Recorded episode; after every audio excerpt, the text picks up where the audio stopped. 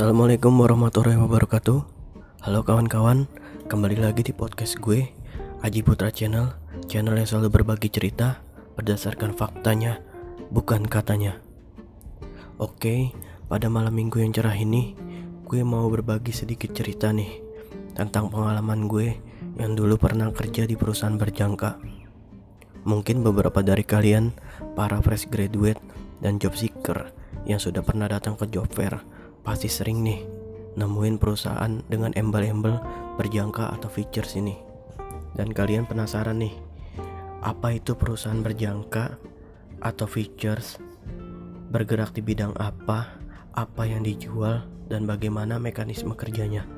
Karena banyak banget nih cerita-cerita atau isu-isu miring di luar sana mengenai perusahaan-perusahaan trading ini.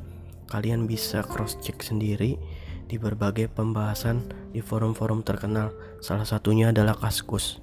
Nah, bagi kalian yang belum tahu dan belum ada gambaran sama sekali, maka kalian wajib dengar audio gue ini tanpa di skip biar kalian tuh tahu bagaimana modus beberapa oknum di perusahaan ini dan kalian tuh nggak bakal kecewa kalian dengerin ini sampai habis karena ini berdasarkan pengalaman gue pribadi dan kalian gak perlu lagi ngulang kejadian yang sama seperti yang pernah gue alamin buang-buang waktu, uang, dan tenaga di perusahaan seperti ini. Oke, tanpa banyak basa-basi, langsung aja masuk ke topik.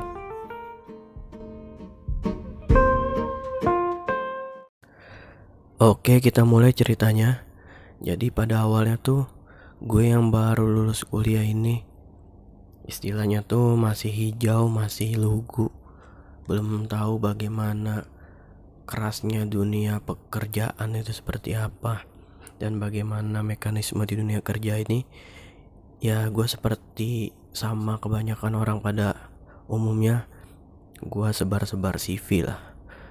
Baik lewat portal JobsDB, JobStreet, baik kirim email maupun walk-in ataupun gue datang ke job fair job fair yang terkenal seperti job fair di Smesco dan job fair di Senayan. Oke skip. Gue datang ke job fair Smesco kalau nggak salah saat itu. Nah, di situ gue lihat banyak banget perusahaan yang buka lowongan mulai dari perbankan, asuransi, uh, manufaktur dan yang paling banyak ini gue lihat tuh memang adalah di features ini kebetulan banyak perusahaan features dan perusahaan perbankan. Awalnya gue nggak tahu apa itu perusahaan berjangka atau features ini. Gue benar-benar nggak tahu, gue buta. Akhirnya gue coba untuk nanya kepada user yang ada di sana. Gue tanya perusahaannya bergerak di bidang apa dan apa aja lowongan yang dibuka. Ah, saat itu adalah lowongan yang dibuka adalah HRD, uh, eh, tim IT, satu lagi itu adalah staff. Oke karena gue minat sebagai HRD gue beraniin untuk daftar ke HRD seperti itu. Uh, tanpa banyak basa-basi si mbaknya ini memberikan gue ini kartu. Bukan kartu sih seperti kertas gitu. Kertas berwarna kuning yang di situ tertulis untuk undangan interview gitu loh. Interviewnya di gedungnya itu di daerah Sudirman dekat City Walk itu. Gue nggak usah sebutin lah ya nama perusahaannya apa untuk menjaga privasinya. Oke singkat kata uh, beberapa hari kemudian dari dari gue dikasih kartu itu gue harus datang ke gedung itu untuk interview uh, itu ada di daerah sekitar Sudirman sana. Dan kalau lo tahu ya di daerah sana tuh ada banyak sekali beberapa perusahaan berjangka gitu. Mau ya dari yang legal sampai yang ilegal dari yang terdaftar bap Bapepti maupun yang tidak terdaftar. Seperti itu. Nah akhirnya beberapa hari kemudian gue datang ke perusahaan ini untuk memenuhi panggilan interview. Di sana ada sekitar 30-an kandidat di mana rata-rata adalah fresh graduate yang benar-benar baru lulus kuliah maupun yang benar-benar baru lulus SMA seperti itu. Jadi mereka itu masih pada bingung-bingung ini perusahaan apa kerjanya ngapain kita kayak saling tanya-tanyaan. Memang sih ada satu dua yang sudah bekerja di trading sebelumnya gitu. Tapi dari 30-an itu 28 nya itu adalah orang yang yang memang belum pernah punya pengalaman sama sekali di dunia trading seperti itu. Nah ini perlu kalian catat nah ya modus perusahaannya ini. Awalnya mereka bilang kan kita disuruh datang ke sini untuk interview ya. Tapi kenyataannya itu tidak ada interview. Yang ada itu kita di training selama tiga hari. Jadi selama tiga hari itu kita dikasih makan kalau kalian tahu tuh kayak ayam sabana fried chicken yang 10 ribu 15 ribuan tuh. Ya selama tiga hari berturut-turut kita disuruh datang dikasih training tentang trading bagaimana cara mendapatkan profit teknik candlelight seperti itulah uh, training-training. Tapi ini uh, trainingnya disatukan gitu loh untuk seluruh posisi. Nah di sini gue mulai curiga ya uh, trainingnya itu lebih ke arah marketing di mana gue sebenarnya seperti yang gue jelasin tadi gue ngelamar di HRD dan beberapa kawan gue yang gue kenal itu di situ mereka ngelamar ke IT gitu. Jadi kita tuh kayak saling tanya-tanyaan gitu. Kok uh, yang di training kan cara-cara mencari nasabah ya cara-cara agar closing ya kok nggak ada training mengenai yang IT ya. Ke IT uh, maksud gue tuh lebih spesifik di antara divisi seperti itu. Di situ nggak ada. Kita semua di satu ruangan itu trainingnya semua tentang marketing. Nah, dari hari satu, kedua, ketiga yang awalnya ada 30 orang itu berkurang terus. Sampai di hari ketiga kita sisa sekitar 10 orangan. Seperti itu. Dan yang paling anehnya lagi uh, tiba-tiba si HRD-nya ini bilang bahwa kita semua di 10 orang ini diterima gitu loh. Dan gue sih cukup kaget ya walaupun gue belum pernah belum pernah interview sebelumnya gitu loh. Tapi gue kaget aja gitu tanpa ada interview tanpa ada tes tiba-tiba semuanya diterima gitu loh. Masuk perusahaan tanpa ada tes. Jadi logika aja gitu. Uh, effortless banget gitu. Di mana-mana perusahaan tuh harus ada namanya tes tertulis ataupun interview. Tapi di perusahaan kayak gini tuh nggak ada uh, persyaratan apa-apa. Kenapa? Tidak ada tes seperti itu. Karena turnovernya itu tinggi. Turnover itu apa? Keluar masuk karyawannya. Jadi misalnya dia merekrut banyak karyawan 30 karyawan bisa juga di bulan depan tuh dia kehilangan 20 karyawan atau 30 karyawan seperti itu. Itu ini dinamakan turnover yang tinggi. Nah ini penting banget nih. Kalian catat baik-baik ya modus perusahaannya. Jadi setelah kita semua diterima sekitar 10 orang ini uh, perusahaan bilang bahwa lowongan yang diposting itu sebetulnya hanya untuk yang tingkat advance karena kita bersepuluh itu adalah orang yang masih pemula gitu loh. Belum ada pengalaman di dalam dunia kerja maka harus dimulai dari level dari entry level yaitu yang dinamakan adalah bisnis konsultan. Yang gue dibilang tadi bisnis konsultan itu adalah untuk yang marketing mencari nasabah untuk uh, orang yang main trading itu loh. Nah jadi lowongan yang diposting itu nggak sesuai kenyataan gitu loh. Di mana gue di situ ngelamarnya HRD malah dikasih untuk sebagai bisnis konsultan gitu loh. Uh, dan kita disuruh untuk tanda tangan aja gitu. Walaupun tidak di atas materai tapi kita dikasih untuk tanda tangan. Di situ ada perjanjian kerjanya ya. Jadi berapa berapa yang kita dapat dari dari setiap transaksinya dari setiap nasabah ini. Nah, jadi uh, sebagai catatan kalian di sini kita sistemnya kita nggak digaji gitu loh.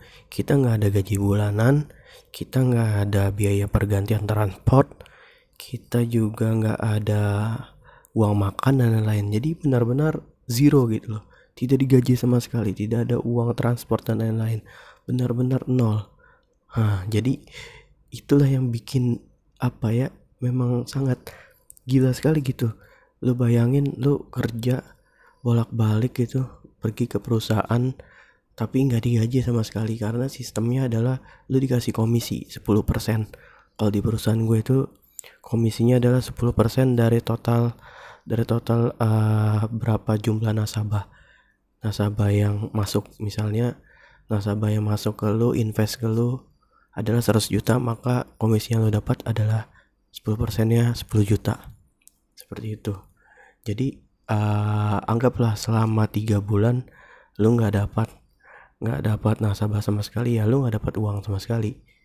Dan itu nggak di nggak bisa diklaim di bulan kedua atau apa. Jadi kalau lu dapat nasabahnya di bulan ketiga ya itulah turun komisi lu hanya di bulan ketiga itu 10 juta.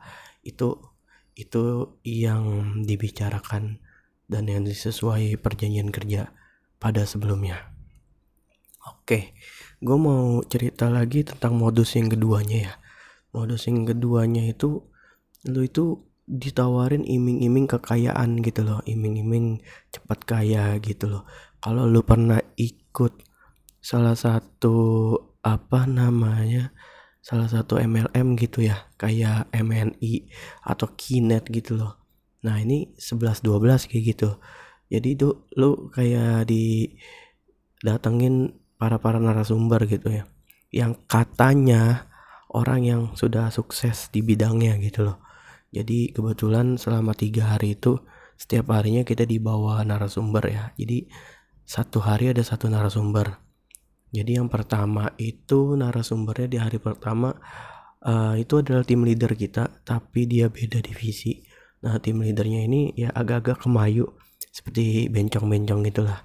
Dia cerita bahwa dia adalah lulusan unpad bla bla bla bla dia baru kerja di situ uh, sekitar dua tahunan dan dia bisa membeli rumah mewah dan bisa membeli BMW karena karena bekerja di situ gitu loh. Dan itu ya gue nggak tahu lah ya itu bener atau enggak tapi dia tunjukin intinya foto-fotonya tentang BMW intinya dia mem mem memotivasi kita bahwa kalau kita bekerja serius di sini uang dan komisi tidak tidak menjadi masalah. Ya 11 12 sama kayak di MLM itu. Di hari yang kedua kita dapat narasumber yang maaf dia itu cacat cacat mental. Dia cerita bahwa uh, selama enam bulan enam bulan pertama bahkan dia nggak digaji sama sekali. Tapi dia mau berusaha dan mau berjuang terus sampai pada akhirnya di bulan ke-6 ada nasabah yang closing kepada dia 1M jadi ya lu hitung sendiri 10% dari 1M nya itu berapa. Intinya uh, dia memberikan motivasi walaupun lu nggak digaji selama enam bulan ada aja itu kemungkinan di bulan ke-6 atau di setahunnya itu lu tiba-tiba jackpot gitu loh. Ada nasabah yang bisa naruh sebesar itu seperti dia misalnya eh, enam bulan nggak digaji taruh tahu ada yang 1 m dapat ya dia dapatlah komisinya sebesar uh, eh, 100 juta seperti itu. Karena nasabahnya menaruh sebanyak satu miliar gitu. Uh, modus yang ketiga itu adalah uh, jadi begini mereka itu biasanya memanggil banyak banyak sekali orang 30 orang. Dan itu setelah setelah hari ini katakanlah kita telah direkrut dari yang sisa 30 orang itu sisa sisa lima orang lah ya. Mereka untuk nggak sampai bulan depan berapa minggu kemudian itu kita sudah datang tim baru. Jadi kayaknya tuh setiap minggu saya ngelihat namanya ada orang-orang baru di situ. Gitu loh. Yang gue bilang tadi itu turnovernya itu tinggi seperti itu uh, nah sebenarnya kan gue udah tahu nih kalau kita tuh nggak digaji dan kita tuh cuman pakai sistem komisi kayak gitu kok gue mau gitu loh untuk tetap bertahan di perusahaan itu kurang lebihnya sampai sekitar dua bulanan gitu. Jadi yang bikin gue tetap mau bertahan di perusahaan itu ya intinya karena gue penasaran aja sih. Penasaran dan yang kedua gue sambil menunggu panggilan kerja yang lain gitu loh. Jadi biar ada kegiatan ya alhamdulillah untuk sehari-hari masih cukup lah. Wah, walaupun nggak banyak gitu loh tanpa walaupun gue nggak dapat gaji gitu insya Allah gue masih cukup lah untuk hari-hari gitu loh. Ah di sini gue karena penasaran ya gue pengen tahu aja sistem kerjanya kayak apa di perusahaan kayak gini. Akhirnya gue sampailah kerja di perusahaan ini selama satu minggu ya. Dan sistem kerjanya tuh harian yang pertama ya biasa lu masuk kerja awal-awal adalah briefing tentang tentang bagaimana target lo. Berapa berapa target appointment lo. Appointment tuh lu lu udah bisa ketemuan sama nasabah berapa hari ini sudah pertemuan dengan nasabah berapa calon nasabah berapa. Nah jadi gue cerita aja ya mekanisme kerjanya. Yang pertama setelah briefing pagi lu biasanya lu disuruh memberikan database lu mencari database. Jadi lu harus serahkan database itu kepada uh, tim leader lo by the way waktu di minggu awal gue dapet handphone handphone CDMA ya. Gue lupa merek apa ya merek Asia atau apa gitu yang saat itu harganya 300 ribuan itu CDMA nya. Gue lupa Huawei atau apa gitu. Handphone Cina lah intinya. Di situ gue gue dapet handphone karena apa? Karena gue uh, memenangkan kuis di mana di dalam satu tim gue gue disuruh nyari database database mana yang terbanyak gitu loh. Uh, dari setiap tim gitu.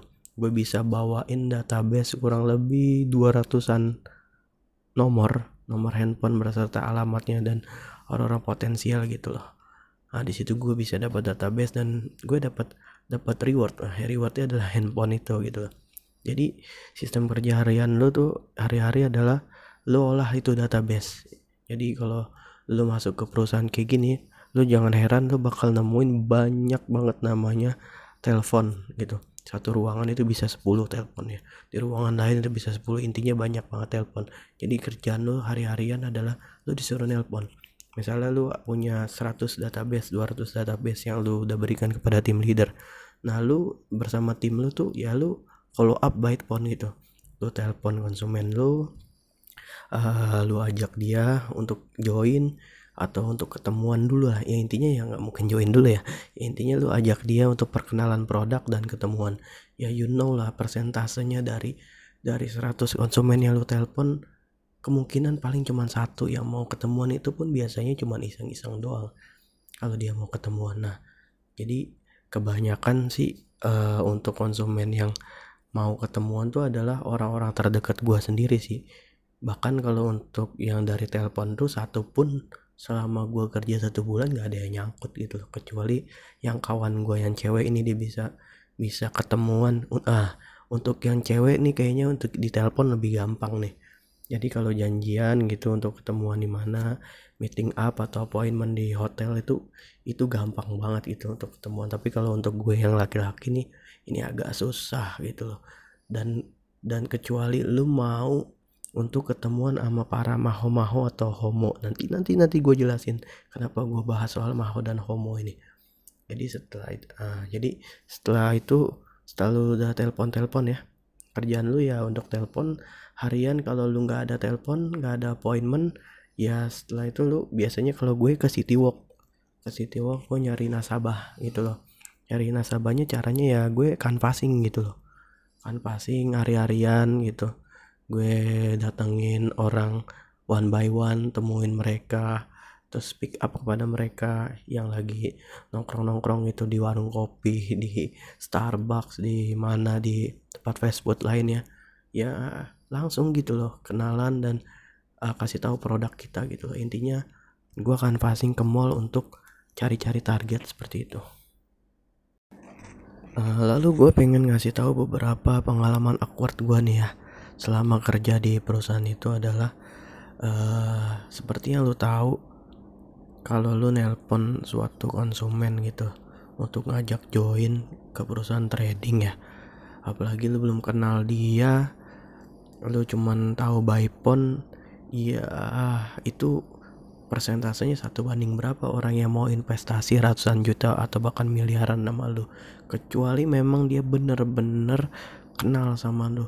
Jadi uh, memang sangat-sangat susah sekali. Jadi intinya kerja di perusahaan ini apa pun dalam tanda kutip tuh dihalalkan gitu loh. Jadi gue ada cerita nih gue uh, temenin kawan gue yang senior sih dia. Dia kebetulan satu tim sama gue. Uh, kita pergi ke daerah Krisan Hotel. Kalau tahu di dekat daerah Grogol sana. Nah jadi di Krisan Hotel tuh uh, dia appointment sama salah satu nasabah Baipon gitu ya.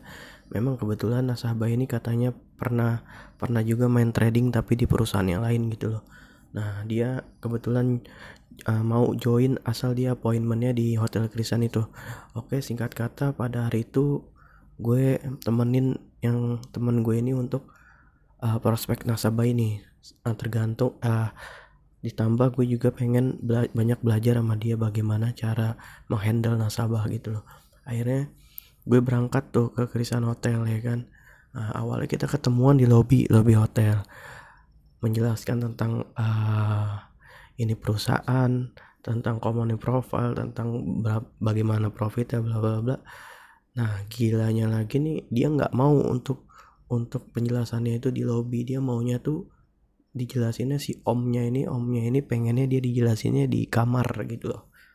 Akhirnya dia bilang sama teman gue ini kalau saya kalau mau join kamu ikut saya di kamar. Saya udah booking kamar ini ini ini seperti itu loh. Uh, nanti saya join lah gitu. Gue masih masih apa ya istilah masih polos banget masih lugu nggak ngerti maksudnya apa dan gue nggak boleh ikut di situ. Ya udah gue akhirnya nungguin di lobby. Kurang lebih ada tiga jaman lah gue tungguin kawan gue ini dan uh, wow magically akhirnya si om ini setelah tiga jam dia join.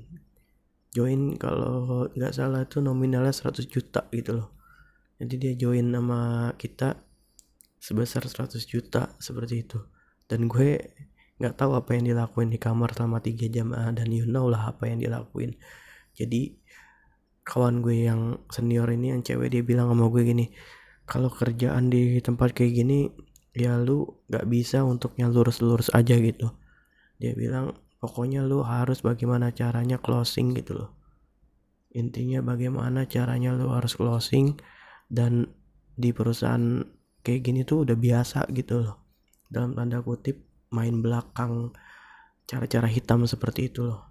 Nah itu yang bikin gue nggak serak banget gitu loh kerja di perusahaan seperti ini tapi harus melakukan hal-hal yang ya aneh-aneh seperti itu. Nah balik yang tadi gue mau jelasin kenapa gue tadi mau bahas soal homo dan maho nih.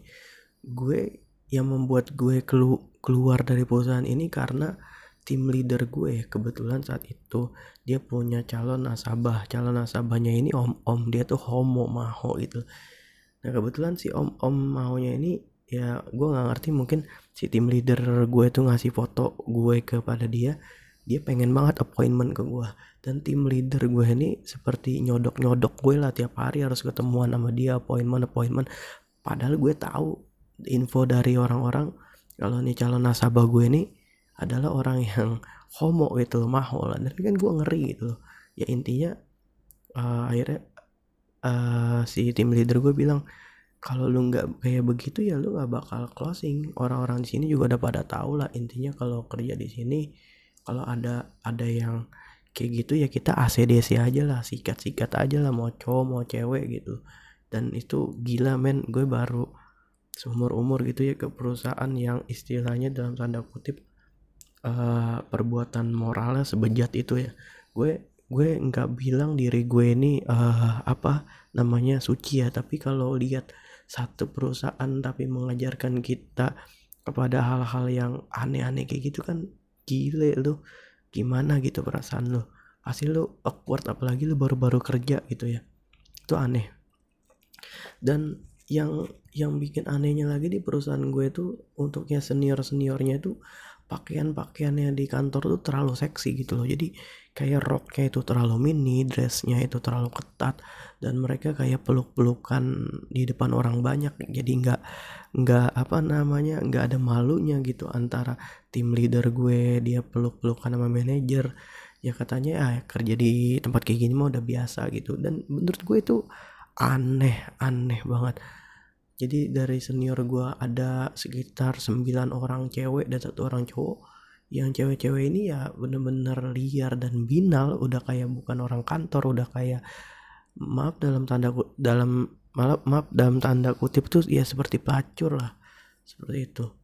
Jadi udah bener-bener final bagaimana uh, gini. Ya gue nggak nggak nggak tahu ya kalau di perusahaan lain tuh seperti apa tapi yang gue lihat di perusahaan gue tuh ya seperti itu bener-bener aneh dan awkward banget gitu loh. Kayak gitu. Dan teman-teman yang senior ini gue gue gue sering tanyain uh, di ID cardnya kan dia masih ID card yang lama ya rata-rata mereka berkerudung gitu. Kok lu fotonya berkerudung tapi di sini kayaknya seksi banget aslinya tuh lu seksi banget lu kenapa kayak gitu? Mereka bilang ya kalau kerja tempat kayak gini kalau masih kayak kerudung-kerudung ya gak bakal closing gitu loh ya gue nggak tahu itu mindset atau apa lu bisa komen nih ya kalau emang ada ada yang nggak kayak gini gitu loh. Karena yang gue temuin dan di perusahaan-perusahaan lain tuh memang ya seperti ini. Jadi ada istilah tuh kalau kerja di perusahaan kayak gini adalah tanda tangan di atas perut. Nah seperti itu. Jadi kalau nasabahnya mau join ya lu harus rela diapain aja gitu loh.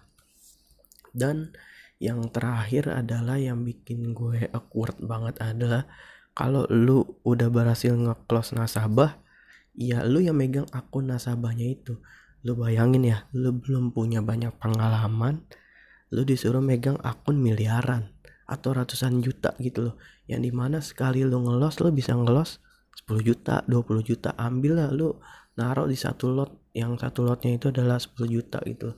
Itu lu bisa ngelos di angka segitu lu bayangin anak baru disuruh megang akun ratusan juta. Jadi jangan heran kalau ada nasabah atau di berita lu lihat dia punya uang naruh di salah satu perusahaan uh, berjangka uangnya lenyap 100 juta 200 juta mungkin mungkin ya bukan bukan si orangnya itu yang membawa kabur gitu loh atau yang membawa membawa akunnya tapi lebih kepada pengelolaan yang ya nggak bisa mengelola gitu loh. Jadi lu bayangin lu dikasih dikasih amanah uang 100 juta yang yang ngelola itu bukan orang yang memang udah punya sertifikat pialang gitu loh.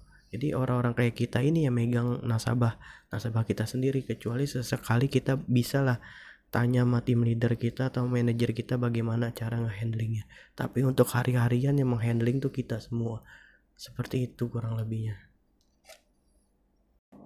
Oh iya sempat kelupaan gue untuk nambahin salah satu keanehan lagi di perusahaan ini adalah kita tuh punya mes ya. Mesnya itu ada di daerah Tebet ya. Di mana mesnya itu adalah kontrakan di bawahnya itu sekitar lima kamar untuk cewek di atasnya itu lima kamar untuk cowok. Dan itu gile men hidup yang bener-bener lu kalau ke mes itu seperti apa ya? Seperti lu mungkin tinggal di Amerika gitu loh antara cewek dan cowoknya walaupun kita berkawan udah kayak ya udah kayak kehidupan apa ya terlalu bebas seperti itu loh.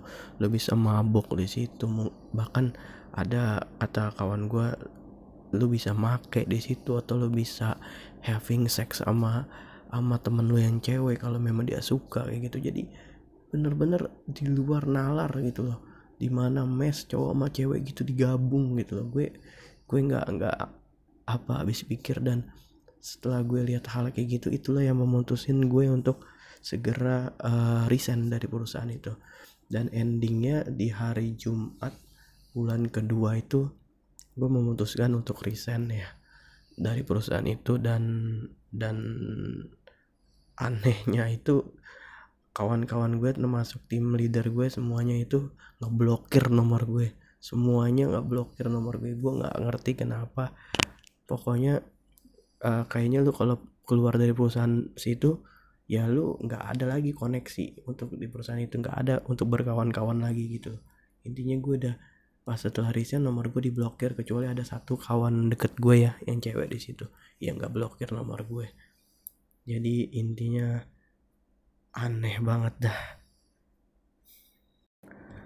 So kita udah sampai di ending nih ya. Buat eh, kawan-kawan gue semuanya baik yang masih fresh graduate maupun job seeker kita semua sama-sama tahu ya kalau nyari kerja itu nggak gampang. Cari kerja itu emang susah. Tapi ya mbok nyari kerja kalau kayak gitu-gitu banget ya janganlah. Ya kalian pikir-pikir dua kali lah mau nggak nih kalian kerja tapi kalian gak digaji gitu loh. Jadi kalian intinya hanya berpatokan kepada komisi. Ya kalau kalian dapat komisi gitu loh. Kalau ujung-ujungnya kalian jadi harus melakukan jual diri melakukan hal-hal yang dalam tanda kutip negatif demi mendapatkan closing dan uang yang tidak seberapa menurut gue ya itu sangat-sangat sangat tidak worth it gitu loh.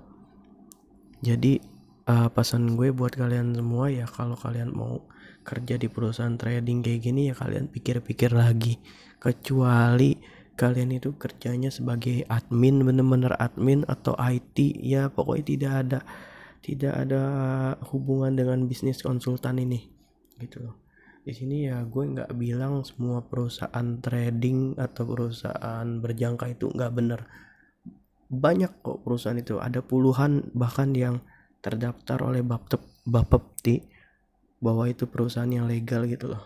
Banyak perusahaan itu yang benar tapi banyak lebih banyak perusahaan yang ilegal dan oknum-oknumnya di perusahaan seperti itu tuh gila terlalu banyak gitu jadi buat kalian nih mendingan cari kerjaan yang pasti-pasti aja lah. Nah, lebih baik kalian jangan pernah masuk ke perusahaan yang seperti ini. Tapi kalau kalian mau coba untuk pengalaman dan sekalian ingin belajar bagaimana caranya trading ya monggo silahkan. Oke itu aja sih yang bisa gue share pada malam hari ini. Semoga kalian bisa enjoy dan dapat pelajaran dari audio gue malam ini. Selamat beristirahat dan happy weekend kawan-kawan.